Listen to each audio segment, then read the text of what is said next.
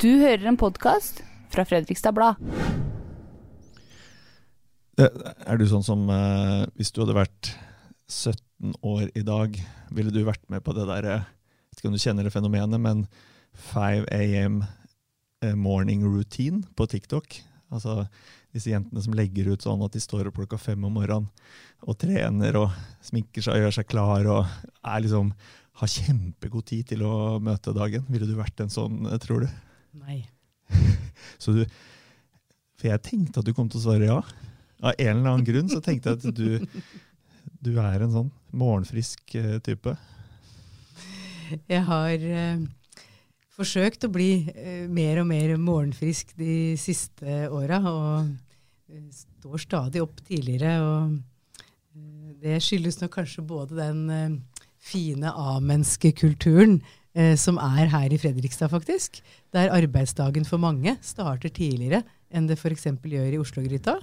Eh, men kanskje også den gleden man finner i, i, i de viktige tingene en kan få gjort da, eh, tidlig på morgenen. Men Nina, 17 år, eh, TikTok tidlig på morgenen Nei, nei, nei. Men, men det, du, det du sa der, det, det var helt nytt for meg. A-menneskekultur eh, i, i Fredrikstad. Ja, det er, eh, en, var en eh, tydelig observasjon når jeg begynte å jobbe her i 2011, etter å ha bodd og jobbet i Oslo da i veldig mange år. Eh, der ville stort sett ingen eh, jobbmøter eh, eller opptelling i rekkene være før kvart på ni eller ni. Mens eh, i Fredrikstad kommune eh, så starter den regulære arbeidsdagen eh, 7.30, og de aller fleste var i gang klokka åtte. Eh, Så da filosoferte jeg litt over det. Hvordan kan det ha seg? Og så har jeg lagd meg noen personlige teorier som kanskje handler om eh, eh, fritid, eh, eh, skjærgårdsliv, eh, hytter, folk som er glad i å starte tidlig. Og dermed også kunne slutte litt tidligere for å få gode ettermiddager og mye fritidsglede da, i den naturen vi har, blant annet. Ja, når du sier det, så, så tenker jeg har jo vært eh, hvert fall nå sist en periode som jeg jobba i, i Amedia, som eier Fredrikstad Blad. Og når du sier det nå, så tenker jeg ja, det stemmer jo det. Der, der kommer jo ikke folk på jobb før ja, fra ni da, og utover. Passa meg veldig bra, for jeg, jeg er så langt unna A-mennesket som du kan komme. Eh, så, så ja, jeg skjønner, men eh, det betyr at du eh, har, Ja, var det, var det bra at eh, du kom til en by hvor det var A-menneskekultur, eller eh, du, vil du helst sove lenger om morgenen? Jeg er nok født uh, B-menneske, og så kjenner jeg at den A-en har forsterka seg. Men likevel så har jeg syntes det har vært mest eh, fascinerende her nede eh, i, i Fredrikstad. Og vi har jo til og med hatt saker i Fredrikstad kommune der vi har måttet forhandle med medarbeidere som har vært insistert så sterkt på å få lov til å begynne å stemple eller registrere seg informelt også før klokka seks om morgenen, at vi har måttet lage noen særskilte unntak av hensyn til helse og, og trivsel for enkelte. Da. Så der står virkelig den A-menneskekulturen sterkt. Da har vi lært noe nytt om eh, Eller kanskje ikke noe nytt, da, men eh, med et eh, nytt perspektiv om, om Fredrikstad. Um, Nina, vi, um, vi, vi er nødt til å, starte med det som har vært tema i, i to av de siste podkastene i, den, i denne serien. eh, hvor eh, jeg har hatt eh, Voika Imrik og Silje Waters i studio. Voika som da har hatt flere lederroller i Fredrikstad kommune, og Silje som er Silje Waters som er eh, SV-politiker i bystyret. Og eh, begge de to hevder hardnakka, én med egne erfaringer og den andre med eh, etter det, altså politiker eh, Silje, etter det hun har erfart og hørt, eh, at i Fredrikstad kommune så er det Opplever folk at de får for lite tillit i hverdagen til eh, den jobben de skal gjøre. Og du er jo øverst leder for eh, alle ansatte i Fredrikstad kommune. Så mm, da er det jo naturlig å spørre deg, for det første, kjenner du deg igjen i det Oika og Silje forteller om? De eh, diskuterer jo eh, spørsmål som er mer aktuelle enn på lenge. Og jeg kjenner meg jo igjen i den eh, både samfunnsdiskusjonen og kommunediskusjonen som de drar opp. Eh, samtidig er jo Fredrikstad kommune som organisasjon med 6000-7000 ansatte og mange hundre ledere, litt avhengig av hvordan man teller, en veldig stor eh, verden. eh, Der det nok også er mange ulike erfaringer, og kanskje til og med da mange sannheter. Ja. Eh, sånn at du sier er at ja, noen kan oppleve det sånn, men eh, at dette er et problem i Fredrikstad kommune, det deler du ikke inntrykk av? En av de tingene i eh, offentlig sektor generelt, og kanskje aller mest i kommunesektoren, som jeg i høyeste grad deler oppfatningen av, det er at byråkratiet, eller, eller kravet til byråkrati, etter mitt eh, syn har gått eh, for langt. Eh, så jeg opplever det som befriende at det nå er startet diskusjoner både i Norden og i Norge, og både nasjonalt og lokalt, om å gå gjennom på nytt igjen hvor mange kontroller, rapporter, detaljer, tilsyn, revisjoner og detaljstyring vi generelt skal ha i det norske samfunnet, for å være helt sikker på at alt er absolutt helt optimalt i enhver sak og enhver situasjon.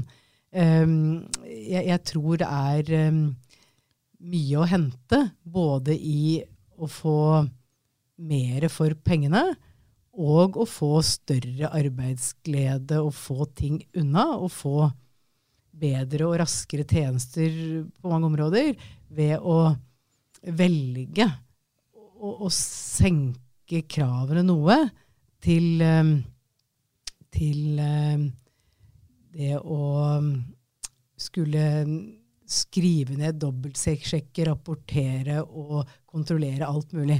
Men det er jo, en, det er jo da, sett fra mitt ståsted, i mest av alt en hilsen til eh, storting, departementer, direktorater, statsforvalter og hele det store forvaltningssystemet vi har, som jeg tror har noe å gå på nå, i å um, lage raskere linjer fra behov til eh, action. Um, og jeg tror det er mye av det den nasjonale uh, og, og nordiske diskusjonen om tillitsreform handler om. Det å, å sjekke om det er noe vi kan slutte å rapportere på, slutte å dobbeltkontrollere, slutte å fatte vedtak om eller klage på eller ha veldig omstendelige forvaltningsmessige systemer rundt, uten at vi taper for mye uh, med det. Uh, men så vil en jo da i sånne lederstillinger som f.eks. jeg har, eh, veldig raskt måtte komme opp også med eh, motargumentene for å avby avbyråkratisere. For det vil jo være da mindre etterprøvbarhet, kanskje mindre likhet, eh, kanskje noen flere som får en tjeneste eller et vedtak som ikke er så dobbelt- og trippelsjekka som det ellers kunne vært. Så, så den store diskusjonen om hvor mye storsamfunnet og det store forvaltningssystemet vårt skal kontrollere, rapportere, etterprøve, det har um, mange sider eh, og er en stor debatt som, eh, som jeg tror um, nå er moden. Ja, men da sier du vel samtidig at eh, det, dette er egentlig et generelt problem i det offentlige Norge. Altså at eh, en hvilken som helst annen kommune så, så ville Voika Imrik erfart det samme, og eh, politiker, en politiker som Silje ville sitte på utsiden og sett på at det fungerte på samme måte. Er det sånn? Har dere ingen påvirkning på dette her i Fredrikstad kommune? Da tror jeg kanskje det beste svaret er ja og jo. Eh, ja, jeg tror at dette fenomenet i stort er både eh, norsk og nordisk. Og når jeg sier nordisk, så sikter jeg jo litt til at eh, de første historiene i Norge om tillitsdagsorden jo ble henta fra Danmark og, eh, og fra, fra, mange forsøk og, og, tiltak de har gjort der for å komme i tur med mye av det samme.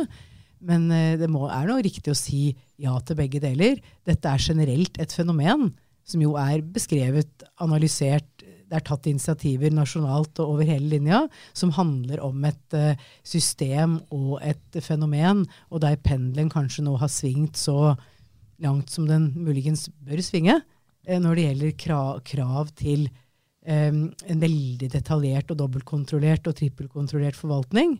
Samtidig så er det selvfølgelig ikke noe tvil om at enhver virksomhet for å bruke det begrepet også da om den store, sammensatte kommunen. Eh, og enhver leder, altså alle vi som mennesker, eh, selvfølgelig også skriver vår egen historie. Gjør våre egne valg og kan både mm, prøve ut ting, eh, endre på ting innafor visse grenser, da, og ikke minst eh, som personer eh, formidle holdninger, være gode forbilder og sånn. Så mm, jeg har både ansvar og muligheter på dette området. Og så har jeg noen begrensninger eh, rundt meg som er eh, lovverk og rammer.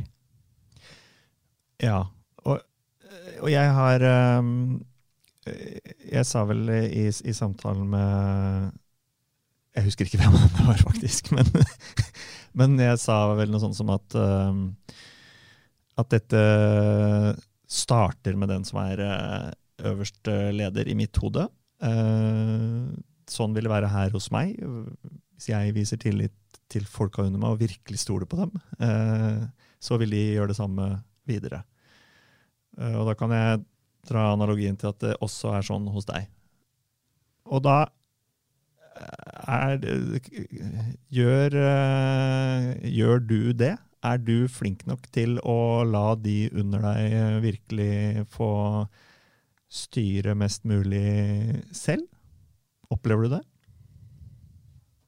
Ja, det opplever jeg på den måten at uh, vi uh, i kommunen styres jo av uh, internt, da, når bystyret har sagt sitt og gitt fullmaktene sine, eller deler av fullmaktene sine høytidelig over til min rolle som kommunedirektør, så har jo vi et delegeringsreglement som etter en veldig bestemt orden da sildrer nedover og tildeler myndighet nedover. og vårt oppdrag er jo så veldig stort eh, at der er hele driften og styringa helt avhengig av at delegeringene foregår nesten fullt ut.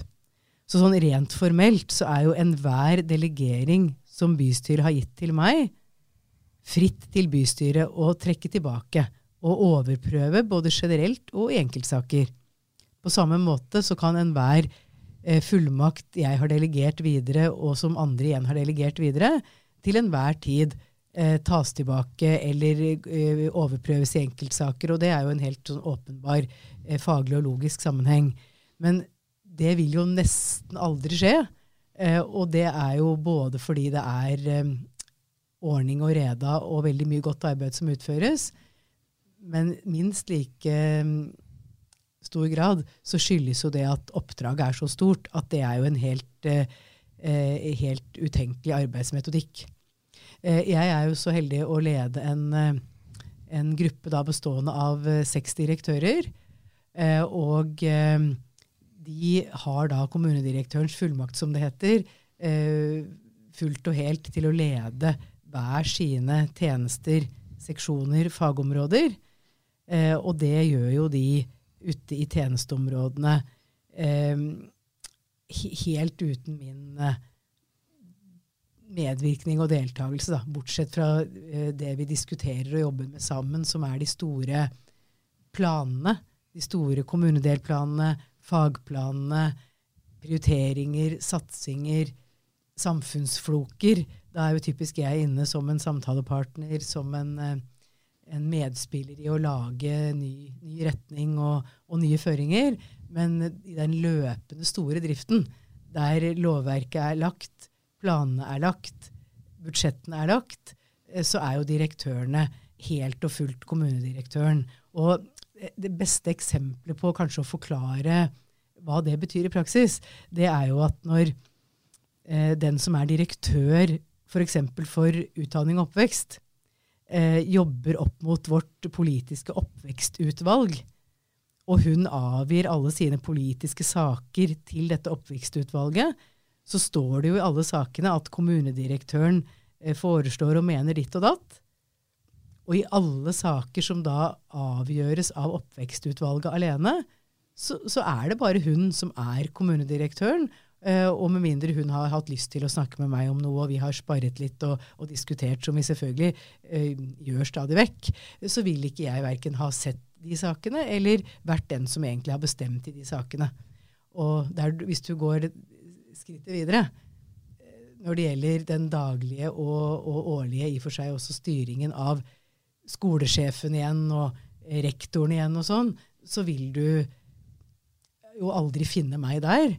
Eh, så det er jo nesten sånn at jeg skulle ønske at jeg var mer der. I hvert fall en sjelden gang var i en samtale og en, en, en situasjon der jeg kunne være med å sparre og, og sende signaler, f.eks. Men det er nok i veldig liten grad mulig. Og samtidig så tror jeg nok at alle som har uh, uh, hørt deg, eller møtt deg, eller lest deg, eller ja, vært uh, tett på, vil ha skjønt at du er svært intelligent. Du har et stort ordforråd. Du, du, du bruker mange ord. Kloke ord, oftest. At du, at du, er meget godt orientert om saker, kan mye. Og det er jo bra. Men, men uh, er det Når du er så Når du er på det nivået, gjør det det kan det gjøre det vanskeligere å stole på at de som er under deg, gjør en god nok jobb? Det var et litt retorisk spørsmål, jeg hørte det, men, uh, men du skal få det likevel. Jo, takk for en attest. Eh, kraftfull sådan.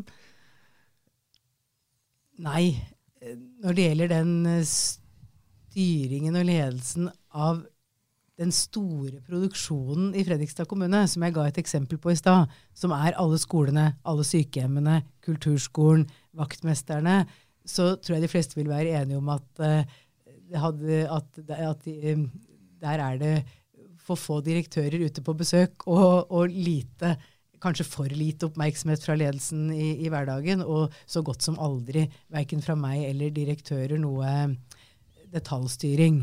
Eh, og også i liten grad tilstedeværelse, da. Men det området som jeg jo eh, må følge mye, enda mye tettere med på, det er jo det som går på forvaltning. Så vi kan jo kanskje skille i kommunen litt sånn tydelig mellom tjenesteyting. Det er jo all, alt det vi utfører ut mot innbyggerne. Der er det lite deltakelse fra toppledelsen og stort sett engasjement når det gjelder å legge planene, legge budsjettene, legge rutiner og, og regler på overordna nivå. Det som vi, eh, både jeg og, og, andre ledere i kommunen, eh, driver mer med, det er jo utviklingen av politiske saker, politisk beslutningsgrunnlag, forvaltningsvedtak, utvikling av prosedyrer og systemer som skal gjelde for alle, overordna styringssystemer og sånn. Og der vil jo selvfølgelig jeg ha en uh, mye tyngre rolle, der det er viktig for meg å uh, vite hva som um, går til uh, de overordna politiske organene. Um, jeg skal jo helst være, så, være, minst like godt orientert som formannskap og bystyre om de sakene som jeg i min rolle avgir til dem. Da. Så i de sakene som har å gjøre med politikk og forvaltning og overordna systemutvikling, eh, spørsmål som gjelder for alle våre ansatte f.eks., eller har store implikasjoner for innbyggerne, så vil jo jeg og også resten av kommuneledelsen eh, oftere være til stede. Da. Og det er nok sånn at jeg i den grad jeg får henvendelser om sånne spørsmål, får flere henvendelser om at eh, det mangler styring og ledelse og kvalitetssikring, eh, enn det motsatte.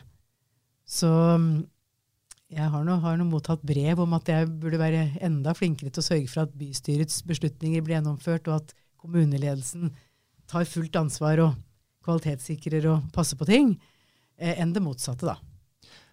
Men handler det om ditt behov for kontroll, at det ikke er så sterkt, eller handler det om at du ikke har tid til å gjøre alt og holde kontroll med alt? Jeg er jo en person som både liker å ta ansvar og har behov for å ta ansvar. Så jeg skal ikke um, kokettere med at ikke jeg uh, både må ha kontroll på en god del ting. da. Um, til og med lovpålagt kontroll og ansvar, og også liker å ha kontroll og oversikt, ikke minst på det som jeg skal bli holdt direkte til ansvar for. Men det er helt åpenbart at det ikke er meningen og ikke mulig Eh, at en overordna ledelse for tusenvis av eh, gode medarbeidere og hundrevis av ledere eh, skal være kjent med alt som foregår, og, og delta i det. Og det gjør vi jo, som sagt, så godt som aldri. Da. Så jeg tror beste, en, en, nyttig måte å sortere dette på, er ledelse av tjenesteutførelse. Der er det jo veldig lite detaljstyring og medvirkning fra overordna ledelse, bortsett fra å legge planer og budsjetter og sørge for eh, retningen. Mens i eh, forvaltning og, og uh, saksproduksjon mer sånn formelt, så må vi jo være til stede. Og der får vi oftest etterlysning om at vi kunne vært mer til stede. Du har sikkert hørt at det har vært eh, situasjoner i bystyret f.eks. der det bemerkes fra talerstolen at eh, undertegnede har, eh, ikke har dobbeltsjekket alt som står i alle dokumenter. og sånn, og da, da blir jeg jo selvfølgelig ekstra, ekstra stimulert da, til å være enda grundigere neste gang. Jeg må spørre deg, jeg, jeg kom til å tenke på en sånn oppgave Jeg var med på sånn lederutvikling en gang. Mulig du har vært borti det samme. Men da var det, det var to grupper eh, som ble satt eh, på Jeg tror vi satt på gulvet, faktisk. Eh, og så fikk vi hver vår eh, sånn pose med Lego. Legoklosser. Har du vært borti den oppgaven? Nei. Eh, og så, så fikk eh, hver av medlemmene en lapp med en oppgave. og da kunne det f.eks. stå at du skal sørge for at det bare blir brukt røde brikker. Eh, du skal sørge for at det blir bygd et høyest mulig tårn. Nå nikker du ensidig. Har, du har jeg har ikke deltatt, men jeg forstår uh, ja. tvisten. Mm. Og så er, er, det ikke lov å prate sammen. Uh, de får mm. ikke lov å fortelle hverandre hva oppgaven uh, de har, er. Uh, og så er det én som får i oppgave å være leder. Det er ditt ansvar at de folka gjør den best mulige jobben. Og lederen eneste som Jeg tror lederen er den eneste som får lov å prate. Uh, men ikke ja, Glem det. det kan, mulig det ikke er sånn, men det er i hvert fall én som er leder.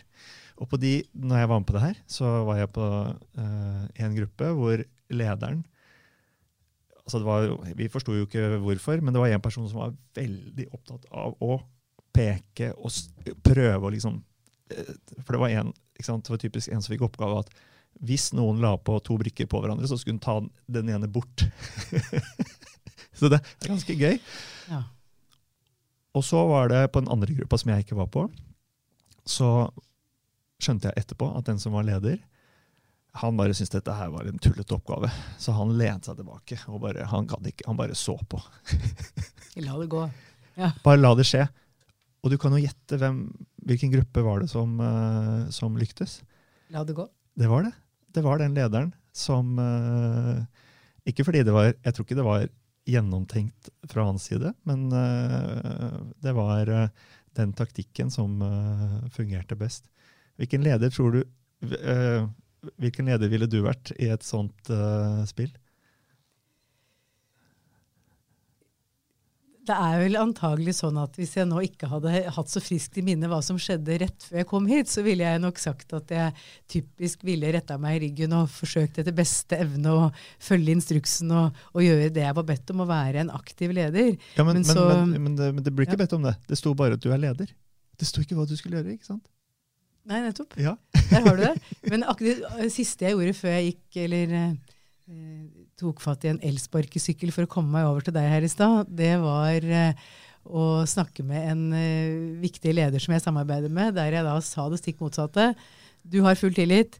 Kjør på. Eh, nå, lar vi det bare, vi det bare gli. Eh, så stoler jeg på at du ordner dette, og så høres vi om en stund. Eh, så eh, den la det gå-ledelsen i forhold til å slippe folk helt fri, og stole på at det er det beste nå, det er nok også noe som eh, jeg har i verktøykassa, da. Ja. Men du svarte ikke noe på du, hvem du ville vært i den oppgaven? Eller gjorde du det? Jo, jeg tror jeg ville vært en leder som ville forsøke å eh, på en eller annen måte bidra mer aktivt til å få ting til å gli, eh, selv om jeg nå skjønte hvor den leken skulle ende. da. Jeg skal Ja. ikke forsøke å kokettere med noe annet. Nei, og jeg at, og jeg tenkte på det, jeg tenkte på det etterpå, nemlig. Ville jeg, hvem ville jeg vært? Og jeg, jeg hadde ikke klart å lene meg tilbake og bare sitte og se på. Så jeg, jeg skal innrømme at vi er, da er vi i samme båt. Jeg tror det kanskje et lite konkurranseinstinkt for meg der ville slått inn at jeg ville på en måte tenkt at her er det noe jeg skal prestere, og, og at det ville være krevende å ikke forsøke å knekke den koden. da. Men det er en veldig god følelse det å bare eh, la det gå. Og noen ganger så går det bra. Andre ganger så blir det jo da noe man må rydde opp i og f.eks. be om unnskyldning for. da. Så hvis, eh, hvis jeg hadde spurt deg hvor, i hvor stor grad er du kontrollfrik, det er et stygt begrep, jeg kommer ikke på noe annet, men, eh, men eh, i hvor stor grad er du det? et, andre får vel karakterisere meg når det gjelder sånne begreper, da. Men eh, jeg er nok en svært ansvarsfull person. Så jeg går sist fra bordet, for å si det sånn. Og det betyr at du går sist fra jobb, eller? Ja, det er ikke så sikkert lenger. Eh, Jeg har jo fått lov til å jobbe i kommunen nå i en eh, tiårsperiode, faktisk, selv om jeg har hatt den jobben jeg har nå, eh, kortere. Eh, og det var nok flere seine kvelder i, i rådhuset før, men eh, det hender jo nå også at eh, det tastes litt på maskina, da, utenom den eh, ordnede arbeidstiden. Når, når kollegaer av meg sender deg mail, så får de et svar hvor det står at du får flere hundre e-poster hver dag. Ja, og vet du, hva, vet du hva det kan kobles til? Det kan kobles til det vi snakka om innledningsvis, det med, eh, det med det norske lovverket og regelverket i forhold til offentlig forvaltning. For det er jo så sterke krav til eh, journalplikt, arkivplikt, eh, plikt til å svare og, og følge opp at eh, hvis man ikke gjør oppmerksom på at en e-postadresse ikke er en sikker mottaker, og, og henviser folk ryddig til eh, et annet sted for å sikre svar og, og, og oppfølging, eh, så kan det til og med være eh, ikke bra praksis. Da. Så dette automatiske svaret mitt, som, der jeg forteller at jeg får et hundretalls e-poster hver dag, og at man, hvis man vil sikre svar og oppfølging bør henvende seg til en annen adresse. Det er delvis for å yte service, og delvis også for å eh, sikre at jeg holder meg innafor norsk lov. Så, så det er ikke at du får så mange e-poster. eh, Er det fordi at eh, det er kollegaer som må forsikre seg om at de er på rett spor med deg? Nei, det slår meg ikke. Eh, jeg, had, jeg har hatt noen prøvetellinger da, av disse e-postene som eh, sikkert flere enn meg kjenner seg igjen i at er en ganske voldsom sak, så har jeg telt og regna sammen at det inkludert møteinvitasjoner og litt av hvert, da, kan fort dreie seg om en 80-150 om dagen iallfall, som fosser inn, og som stort sett da ruller nedover hvis man ikke har noen luker i timeplanen. Men eh, som regel så er jo de mailene eh, folk som ønsker å fortelle meg noe, ønsker å samarbeide om noe, eller ønsker å svare på noe, da. Så mm, i den grad noe skal formelt godkjennes, så har vi jo et sånn flott sak- og arkivsystem og, og digitale systemer, men de mailene er stort sett informasjon og ønske om kontakt og samarbeid. Hva er de korteste svara du sender? Det er vel en tommel opp, det. Tommel opp, ja. Det var litt, Du kan gå helt dit, ja. ja, det, det selv, selv i et veldig formelt system så hender det at vi tar både tommel opp og smil og kanskje ikke så ofte blunkesmilefjes, men eh, det kan gå litt i det også. Og ehm, fra Du har nevnt flere ganger nå at, eh, at ja, det er noen hundre ledere også eh, i kommunen. Og, og- det er også et annet tema som har vært oppe, dette med antall sjefer. Som, eh, som har vært eh, Jeg vet at dere har eh, hatt en utredning av det nå, som viser at Ifølge det jeg har hørt, i hvert fall, som viser at de fleste kommuner har flere ledere enn sammenlignbare kommuner. Er, det riktig oppsummert? Ja, det er det.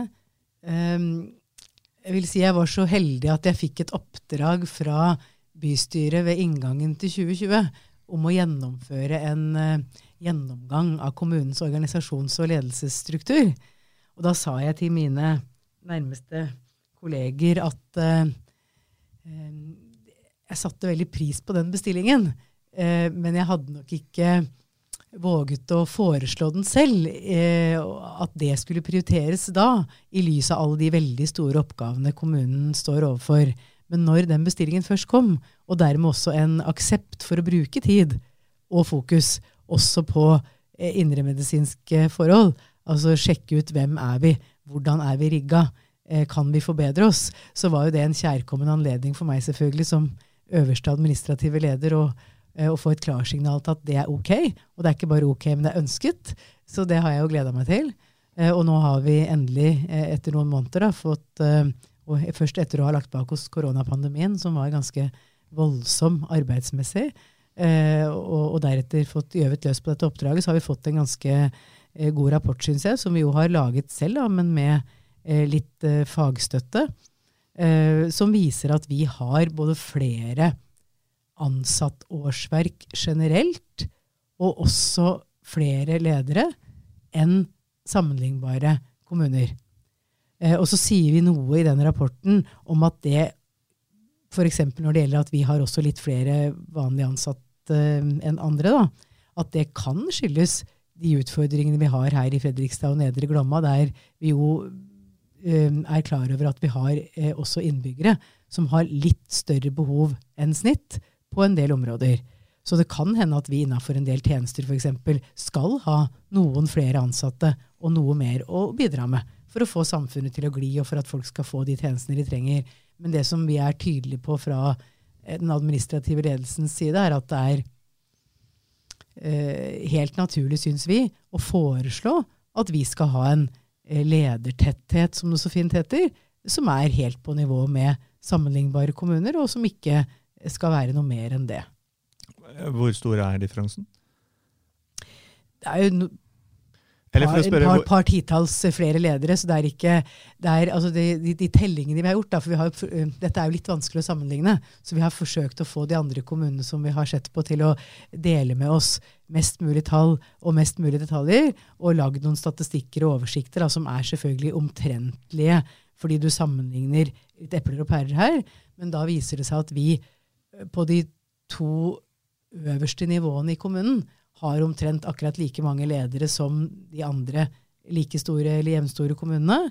Mens når det gjelder ledernivåene langt ut i linja, som det heter, så har vi noen titalls flere ledere, da, forholdsvis, enn de andre.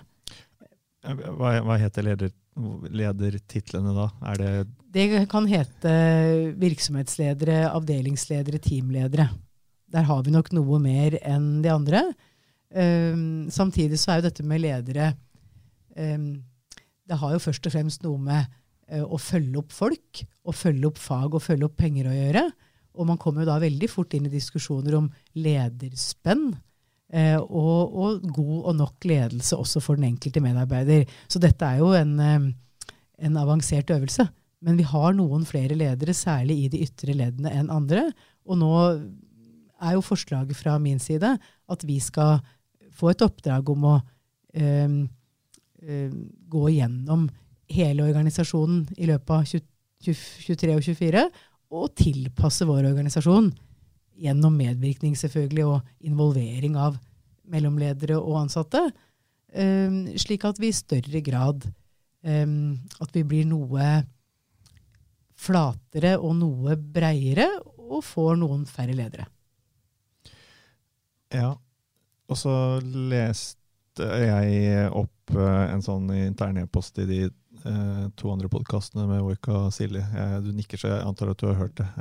Og, og, og, det er jo bare et enkelt eksempel. Altså, jeg mener ikke at Det har inget belegg for å si at det er representativt, men da er det jo en leder som, som sier at nett nettopp det med å ha tid til folka sine er det som det, det skorter på. Da.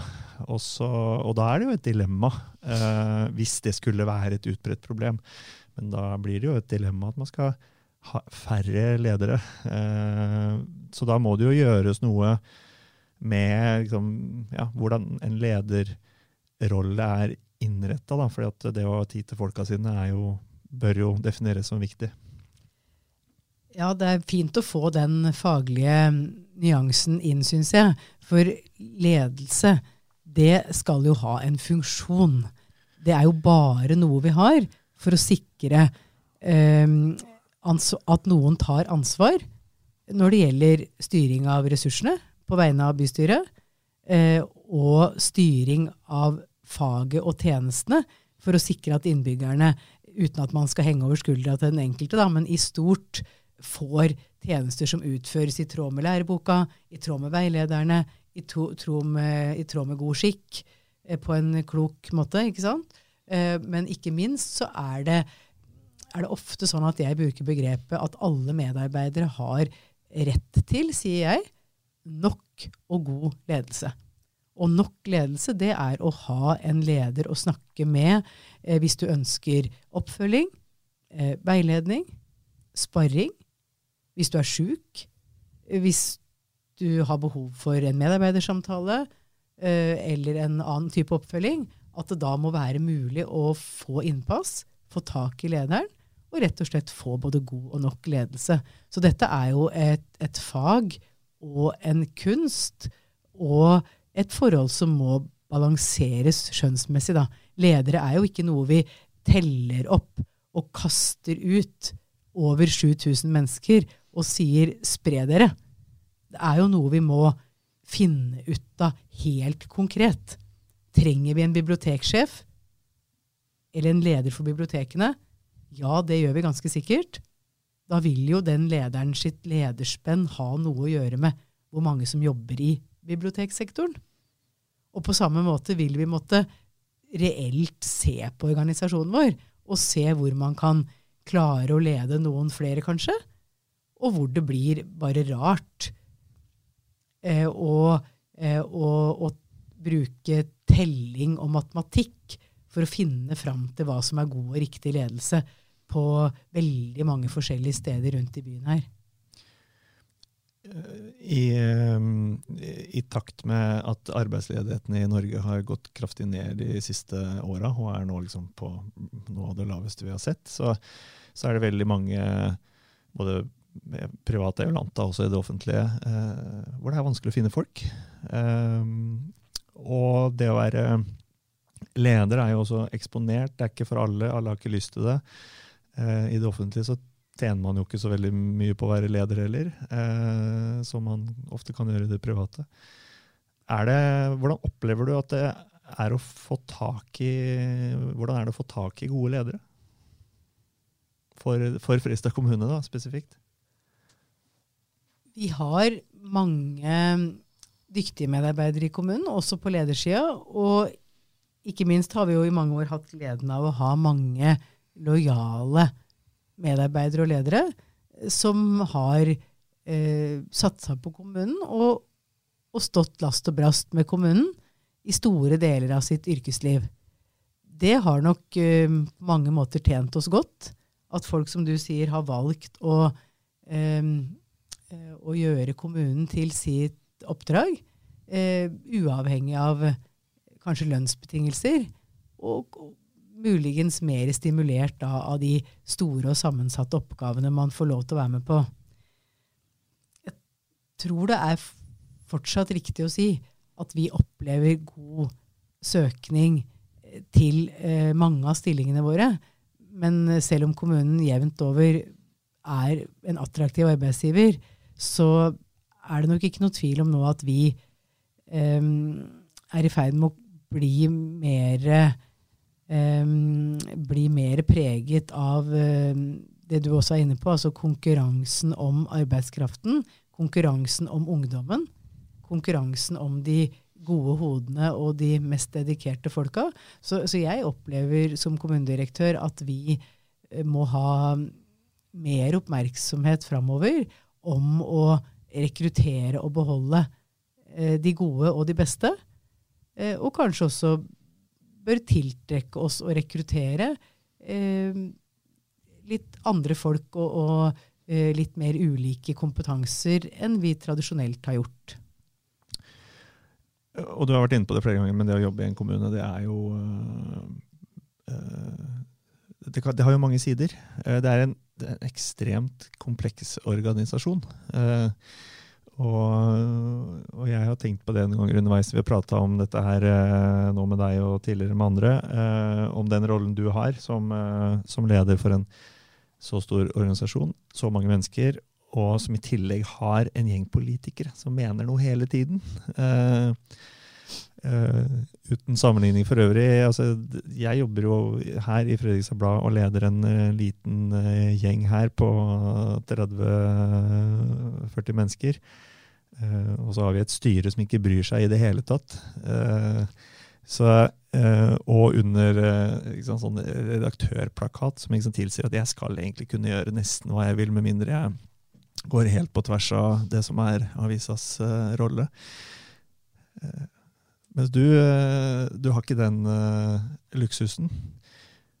Og kan du bare og nå utfordrer jeg å prøve med så få ord som mulig forklare hvordan er en kommune bygd opp? De fleste kommuner i Norge som styres etter samme modell som Fredrikstad kommune, for å gjøre det litt enklere da, å ta bort Oslo og et par av de andre som har et litt annet system. De fleste kommuner i Norge Eh, er bygd opp på den måten at man eh, drives etter det som heter formannskapsmodellen, eh, og som betyr at styret for kommunen, som da er bystyret, og de politiske utvalgene for øvrig, de styrer kommunen formelt og politisk i møter Eh, og fatter sine beslutninger basert på beslutningsgrunnlag som det er min plikt å, å få fram, da, eh, i sine eh, åpne og jevnlige møter. Mens mellom møtene så er det da kommunedirektøren som leder kommuneadministrasjonen, altså alle de ansatte i kommunen, som da er administrasjon og ikke politikk. Så liksom det er den oppdelingen. Eh, og da er det jo min plikt etter loven å tolke bystyrets vedtak og, og tolke de politiske vedtakene og gjennomføre dem eh, etter beste evne og uten unødig opphold, som det så fint heter. Eh, så kommunen er rett slett bygd opp på den måten at vi er en, en, veldig stor gruppe ansatte som man da kaller kommuneadministrasjonen. Og mange av de, de fleste av de som er kommuneadministrasjonen, jobber ikke med administrasjon. Men de er da barnehagelærere eller eh, Ja, og det er litt forvirrende. Jeg tror, altså, renovatører det, eller sånn. Begrepet administrasjon. Folk tenker jo ikke på at, det, at, at, vaktmesteren eh, er en del av administrasjonen, men sånn er det jo. Ja, og det, det, er, eh, det, er, jo egentlig sånn som det begrepet ofte brukes, men det har jeg blitt mer, eh, mer obs på den siste tiden. At hvis man leser i mer de formelle dokumenter, så vil det jo ikke være noe tvil om at eh, politikerne samlet i møter og i, i, disse, i de sine viktige organer, de styrer kommunen formelt.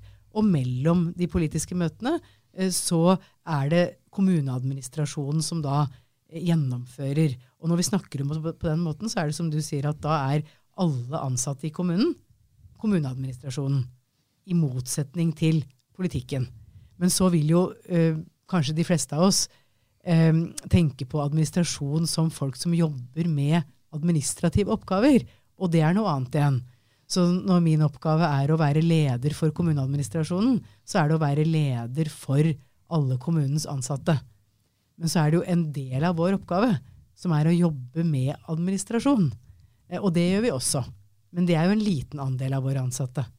Eh, og så er det nok riktig min, å si at min rolle som kommunedirektør ofte vil være mer til stede eh, der det foregår forvaltningsmessige utredninger, administrative oppgaver, enn en ute i felt der det foregår operativ tjenesteyting. Men jeg er like ansvarlig for alt dette, og det kalles det sammen kommuneadministrasjonen.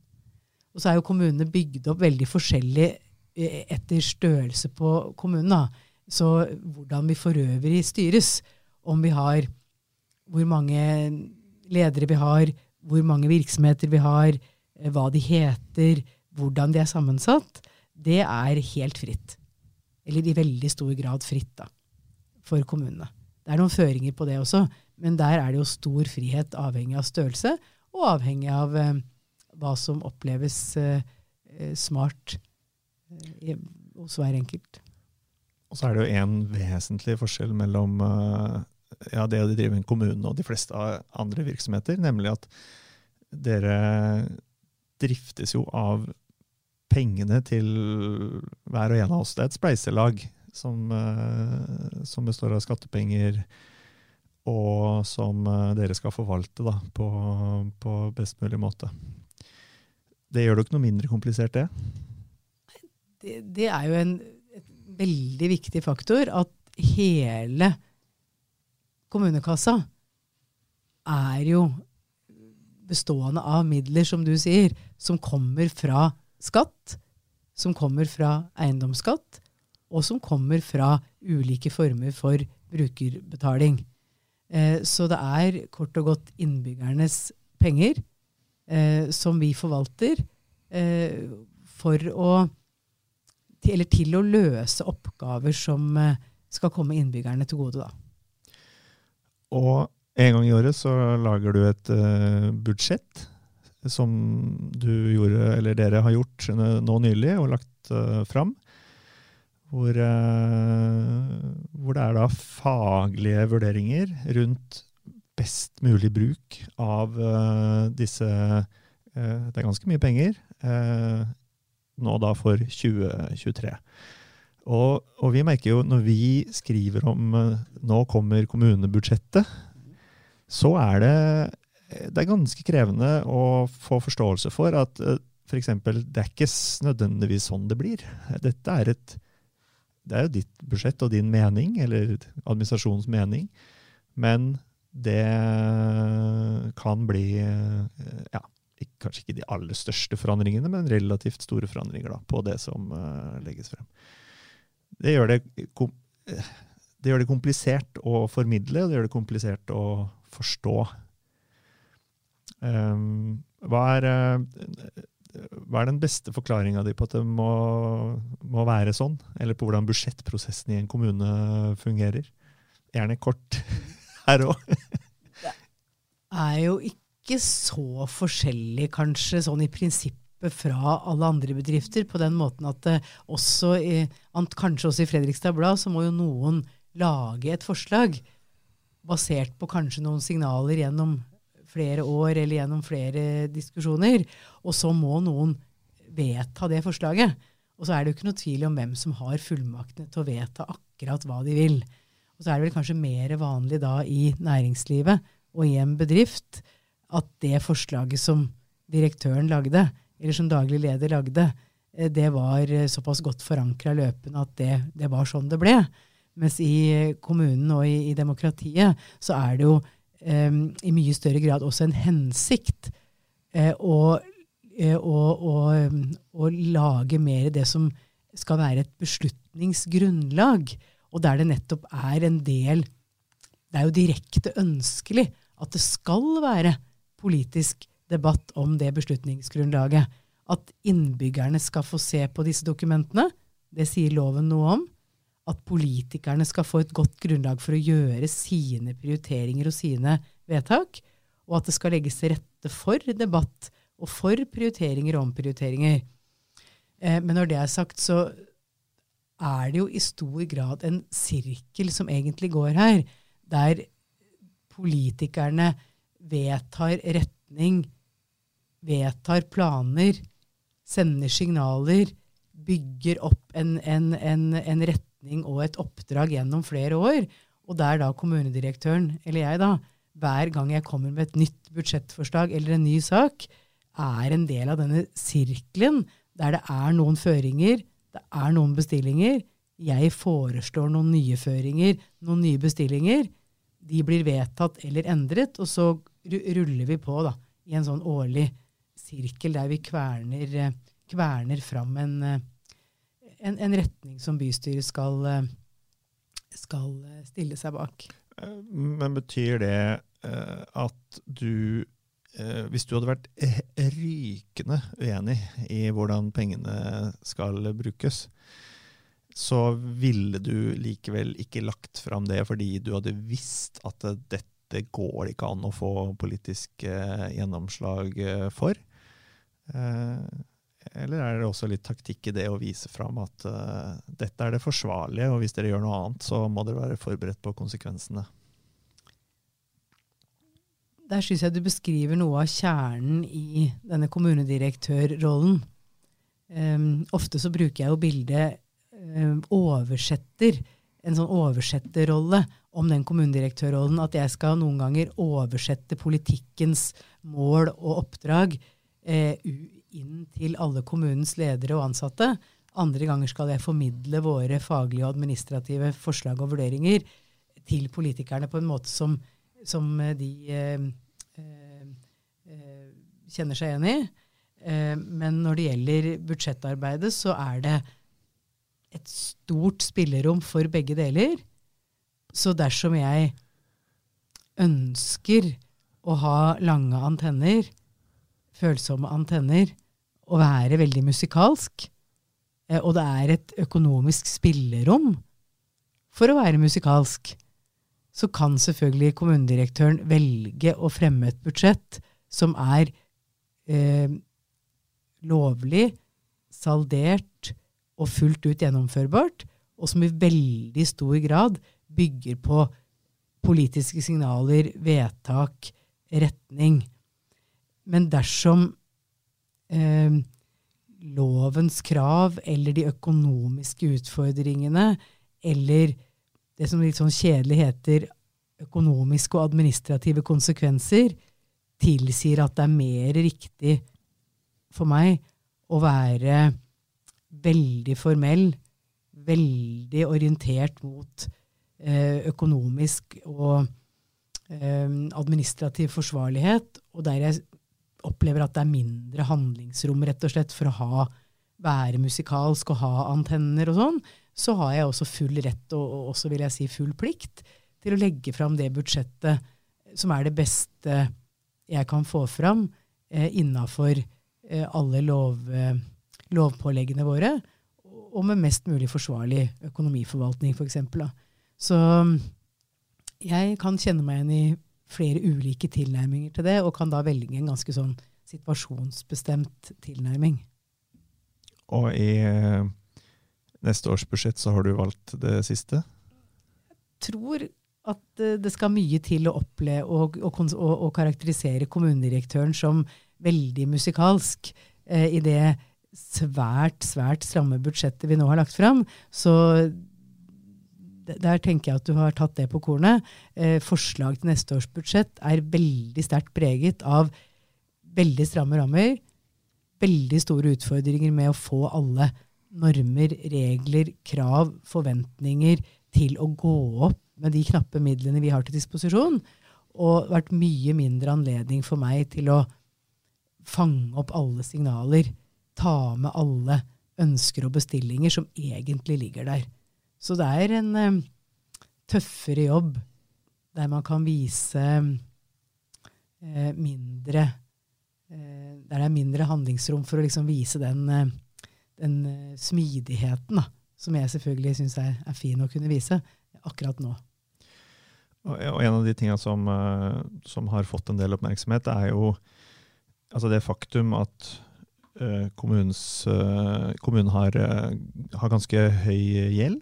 Eh, eh, renta går opp, og så er det begrensa hvor mye det er påvirka det i, i, alle former. Men, men, eh, men, det er et faktum.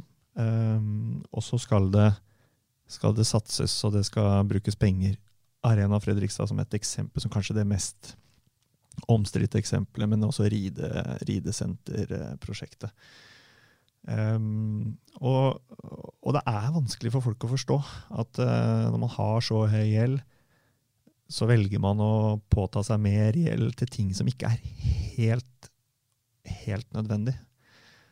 Um, hva, ja, hva, tenker du om det? Hvordan skal man klare å liksom, formidle disse tingene på en uh, måte som forstås av uh, folk flest, da, som jo vi er enige om er med på å finansiere dette budsjettet? Invester, investeringsprosjekter, og særlig bygg, er jo noe av det som det ofte blir stor oppmerksomhet og mye debatt om. Eh, mer enn om de milliardbeløpene som vi bruker til å drifte skoler, barnehager, hjemmesykepleie med. Eh, og det er kanskje ikke så rart. Bygg er viktig. Både estetisk, symbolsk og, og selvfølgelig reelt for oss. Eh, I kommunedirektørrollen så må jeg først og fremst eh, bidra til at kommunen har gode planer for det som heter formålsbygg. Altså bygg som huser skoler, barnehager, eh, sykehjem eh, og andre eh, såkalt lovpålagte tjenester. Da. Så der er vi heldigvis i ferd med å få på plass nå gode langtidsplaner for hvordan alle disse formålsbyggene bør utvikles og fornyes og ivaretas. Det er min eh, særlige plikt å, å, sørge for at det ligger til rette for det. Og så er det jo stor politisk frihet for å utover det prioritere bygg, investeringsprosjekter eh, som oppleves som viktig for eh, samfunnet, eh, selv om de ikke huser lovpålagte tjenester. Og da er vi veldig sterkt over i eh, politikkens verden og, og samfunnsdebattens verden. Og så skal det sies at en kommune har jo formelt sett i hvert fall fire hovedoppgaver. Vi skal være en tjenesteyter. Det er jo alle de store, viktige tjenestene. Vi skal være en samfunnsutvikler. Det er eh, pådriving, fornyelse, utvikling, næringsliv, frivillighet. En veldig stor verden som kommunen skal delta i. Vi skal være myndighetsutøver. Typisk regulering, plan, byggesak, mange andre formelle ting. Og vi skal være demokratiforvalter. Og alle de fire stolpene må bystyret ha med seg. Og alle de fire rollene og stolpene skal også min rolle spille opp til. da. Men det er ikke vanskelig for kommunedirektøren å lage en prioriteringsliste ut fra mine plikter og mitt fag om hvilke bygg som bør prioriteres høyest. Bør Arena Freistad prioriteres? Kommunedirektøren vil nok stadig vekk eh, framholde eh, andre investeringsbehov eh, som enda viktigere enn å bygge Arena Fredrikstad. Eh, samtidig så er min hovedoppgave å eh, vise hva det koster, eh, hvordan det kan gjøres, eh, og hvilke hensyn som må tas. Og en ting som eh, ikke er så sexy for politikere som skal gå til valg eh, neste år, eh, er jo å drive vedlikehold, f.eks. Um, det er et enormt etterslep på vedlikehold i, i, Fredrikstad kommune. Hvor frustrerende er det å, å, sitte med ansvar for disse, alt dette vedlikeholdet, og, og, og, ikke få prioritert penger nok til det? Politikerne våre har vært tydelige på at uh, verdibevarende vedlikehold av den kjempestore bygningsmassen som vi har, er høyt prioritert og skal være det. Det vi har fått på plass de siste årene, er grundige gjennomganger av veldig mange av byggene våre. Så vi sitter nå på gode oversikter over både egnethet og tilstand og tilstandsgrader. Og vi har fått laget oss gode eh, plandokumenter for eh, alt dette. Og for hvordan vi skal vedlikeholde og prioritere. Og sånn. Eh, og så er det likevel sånn at vi er en veldig stramt finansiert kommune. Og at noe av det som ikke uvanlig da ender opp med å bli nedprioritert, er vedlikehold. Den verdibevarende, løpende vedlikeholdet. Og hvorfor skjer det? Det er jo nemlig ikke vi alene om. Det skjer jo veldig typisk på den måten at når vi som er en, da, en eh, lavinntektskommune, som ser at vi bare i fjor hadde ca. 250 millioner mindre å rutte med enn eh, per innbygger enn en sammenlignbare kommuner. Eh, vi må da snu på krona på en annen måte enn mange andre. Og når du da i hvert eneste budsjett skal velge mellom lærere, barnehagelærere, sykepleiere, helsefagarbeidere, kulturskolelærere, bibliotek Alle de menneskene som vi har lyst til å sette i arbeid for å bistå innbyggerne her og nå. Eller du kan gjøre smertefulle nedskjæringer i alt dette og flytte penger over til maling, takstein, vinduer, oppussing. Da vil ofte det levende vinne over det døde. Altså levende mennesker som ønsker tjenester, vil få prioritet foran bygg som ikke puster. Altså bygg som ikke er levende på samme måte. Da. Og det eh, er eh, krevende eh, å stå i, fordi alle ser jo at det ikke er optimalt. Eh, samtidig så er det uhyre vanskelig også å forklare det motsatte. At man må gjøre kutt i de viktige velferdstjenestene som ingen ønsker, eh, fordi eh, man skulle pusse opp eh, og vedlikeholde noe. Så dette er nok et typisk resultat eh, av det å være fattig. Eh, og det kjente begrepet som vi også ofte bruker privat, at det er dyrt å være fattig. Og bare for å forklare når du, når du, sier eh, Eller for å forsøke å forklare. Eh, når du sier eh, at vi er en lavinntektskommune og dermed har 250 millioner mindre å, å rutte med enn sammenlignbare kommuner med, som ikke er lavinntektskommuner, så da handler det om at folk i Fredrikstad eh, i sum bidrar med 250 millioner mindre i kommuneskatt enn det eh, man ville gjort eh, f.eks. i hva skal jeg si, Asker eller en annen kommune? Nei, Skatten henger, litt, henger sammen på en litt annen måte. For uh, kommunen får jo eh, pengene sine via staten. Så staten overfører hvert år eh, flere milliarder til Fredrikstad kommune, som delvis er såkalte rammetilskudd, og delvis er at vi får eh, tilgang til en andel av skatteinntektene som kommer fra våre egne innbyggere, men likevel blir eh, justert i forhold til hvor mye vi får, og hvor mye vi får lov til å beholde. Og så må vi da, i likhet med flere hundre andre kommuner, fylle på med eiendomsskatt også fra egne innbyggere. Eh, og så er det eh, totalen i det inntektssystemet da, som er sånn at vi eh, At vår, sk vår, skatteinntekt ligger nedpå langt nedpå 80 prosenttallet av liksom 100% som er snittet i Norge. Så vi må få en del utjevningsmidler og en del En del uh, overføringer osv. for å komme sånn noenlunde opp mot nivået til, uh, til, til snittet. Da. Men en, akkurat den uh, kommunefinansieringsmodellen det er egentlig en lang historie.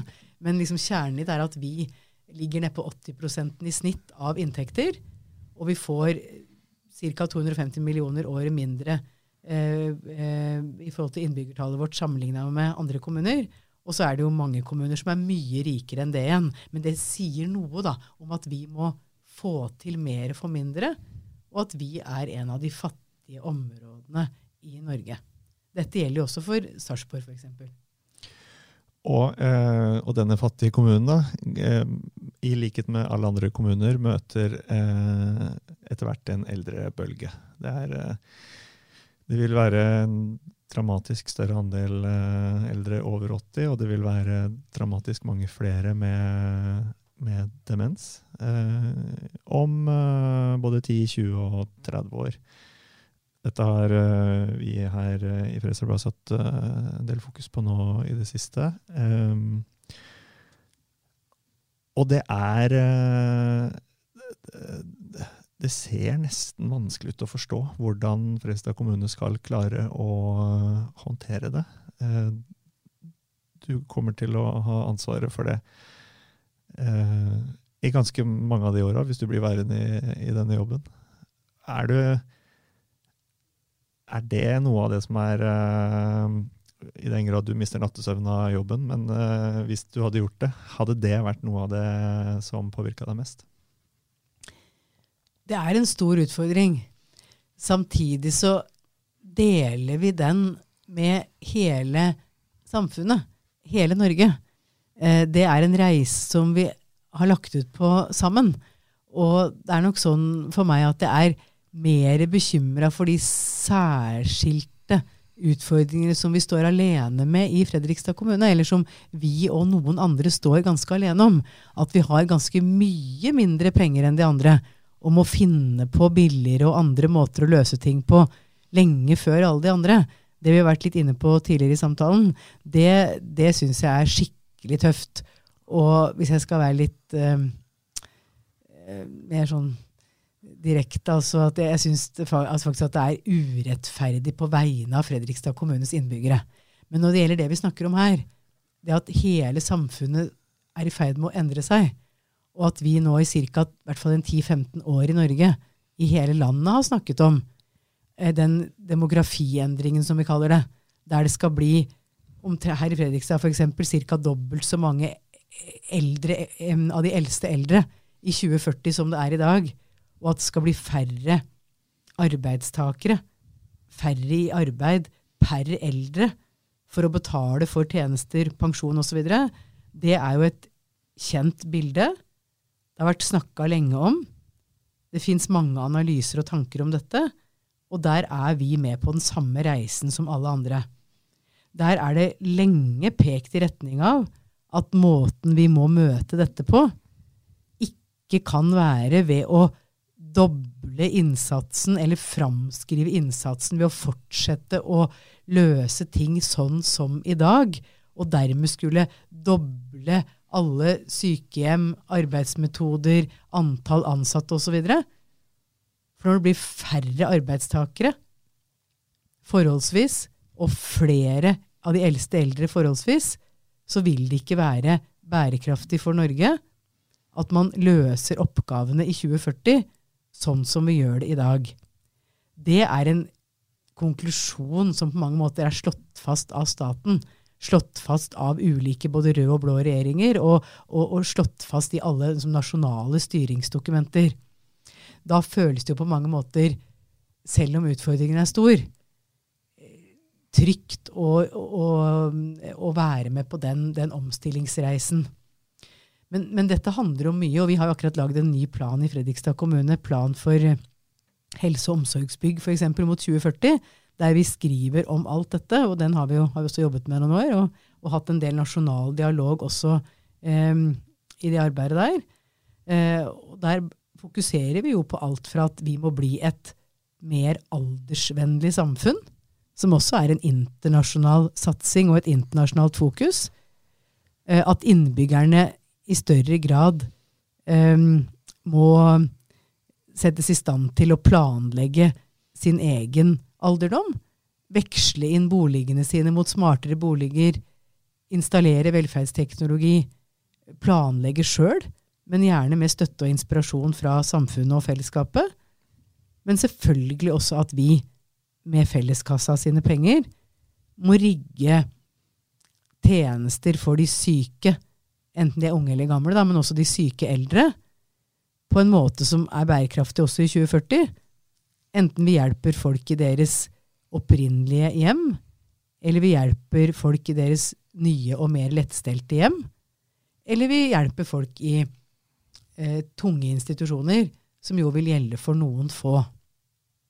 Men noe av det som jeg syns er mest spennende personlig å, å, tenke på inn i dette, er at jeg tror at vi må få engasjert mange flere innbyggere til å, å snakke om og ordne mye med dette sjøl. Sørge for at man har tenkt gjennom at man ikke blir sittende aleine én og én i mange år i hvert sitt store hus eller hver sin store leilighet. Etterspørre boligprosjekter med litt eh, samlingsarealer, med kanskje litt fellesarealer, litt tjenester og sånt noe. Og kommunen gjør jo vår del av dette ved at vi drar i gang prosjekter, peker på en retning. Men veldig mye av dette vil også kunne handle om privat næringsliv, personlig initiativ og den kreativiteten som, som hele befolkningen eh, har. da. Og nå er det det er lenge til du trenger å bekymre deg for, eh, for dette her sånn rent personlig. Men ja, om 30 år så, så, kan det hende at du også har behov for tjenester. Er det Fredrikstad kommune du kommer til å ha behov for de tjenestene da? Ja, nå har jeg gleden av å være bosatt uh, på Kjølbergskogen da, i Fredrikstad kommune, og har ikke noen annen plan. Så kanskje blir det Fredrikstad kommune som også må uh, støtte meg på en eller annen måte når den tid kommer. Det vil jo bare tiden vise. Men um, det som har vært tydelig i Fredrikstad, når vi snakker om ting som er langt fram, og ting som er her og nå, det er jo at denne framtida som vi sitter her og snakker om nå, den uh, mener nok jeg på mange måter ser ut til å være kommet i stor grad til Fredrikstad allerede. Det var jo det første jeg sa når jeg ble vikarierende, um, eller konstituert rådmann høsten 2018. Da la jeg jo fram et budsjettforslag et par dager etter at jeg hadde fått uh, jobben. Og da sa jeg at nå ser det ut til at uh, denne såkalte framtida, som vi har snakka om i så mange år, har kommet hit til Fredrikstad. Og at vi allerede nå ser konturene av dette, da. Med flere eldre, flere som har sykdom, og flere som trenger fellesskapets tjenester. Og eh, når vi kommer dit, eh, Nina, så bor jo vi, nå bor vi bare noen få hundre meter eh, fra hverandre. Eh, så, så, hvem vet, kanskje det, det, kanskje det, kommer et eller annet sted hvor uh, vi slipper å sitte i hvert vårt uh, store hus. Uh, men, Aha, men ja. Se her, ja! Nå er personlig initiativ i gang. du, um, nå har vi sittet her i en time og tolv minutter og prata. Den tida har gått fort. ja, du verden. Det hadde jeg ikke sett på klokka. um, jeg syns vi har fått vært gjennom uh, veldig mye av det som jeg hadde lyst til å prate med deg om. Er det noe du uh, brenner inne med? Ja Vi har vært innom mange ting, da. Og jeg har fått lov til å snakke litt om kommunen, som er et hjertebarn for meg, selvfølgelig. Men hvis jeg skulle få komme med en hilsen, er ikke det man gjør på radio, eh, så ville jeg nå hilse til de som driver politikk i Fredrikstad, faktisk. For eh, nå har vi snakka mye om administrasjon i denne samtalen. Administrasjon og ledelse og planlegging og hva det innebærer.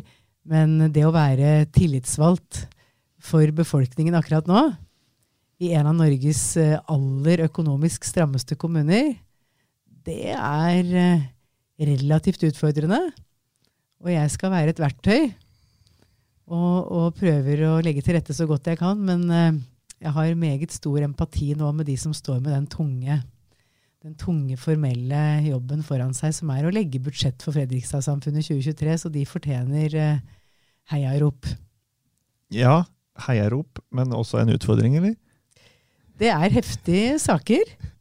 Uh, det er flere um, behov, forventninger, ønsker og ambisjoner enn det er eh, rammer og muligheter. Så det er denne framtida som vi var inne på i stad. Framtida har kommet til Fredrikstad kommune. Det høres jo egentlig veldig kult ut, for det er jo kjempemye fint i framtida. Men det er også litt strammere rammer og behov for å gjøre ting på nye måter. Og vi ser ut til å være en av de samfunnene som må gå først inn i denne framtida og gjøre ting litt billigere og litt annerledes enn det vi har gjort før. Og det, det krever sin administrasjon. Men jammen tror jeg jo det krever sin politiker også, så det er derfor jeg benytter sjansen til å hilse til den eh, så, viktige gruppa. så skal de nå sitte og ta disse beslutningene med valget bare noen måneder unna. Er det, er det en oppfordring til å ikke la seg påvirke av det òg? Nei, da ville jeg vel være ikke en så erfaren kommunedirektør hvis jeg skulle begynne å gi noen råd om å ikke la seg påvirke av valget. Det valget vi har hvert andre år og hvert fjerde år, det er jo helt avgjørende viktig for eh, demokratiet. Eh, men selvfølgelig er det vel aller tøffest antagelig å være politiker i oppkjøringa til det viktige kommunevalget. Så jeg bare sier heia, heia. Ja. Dette er tøffe og viktige verv som jeg er glad for at eh, innbyggere påtar seg. Da lar vi det være siste ord. Vi skal love å følge det på best mulig vis her i Fredrikstad Blad. Tusen takk, Nina Tangenes Grønvold, for at du tok deg tid en eh, sen ettermiddag til denne praten. Takk for at jeg fikk komme. Det var eh, interessant.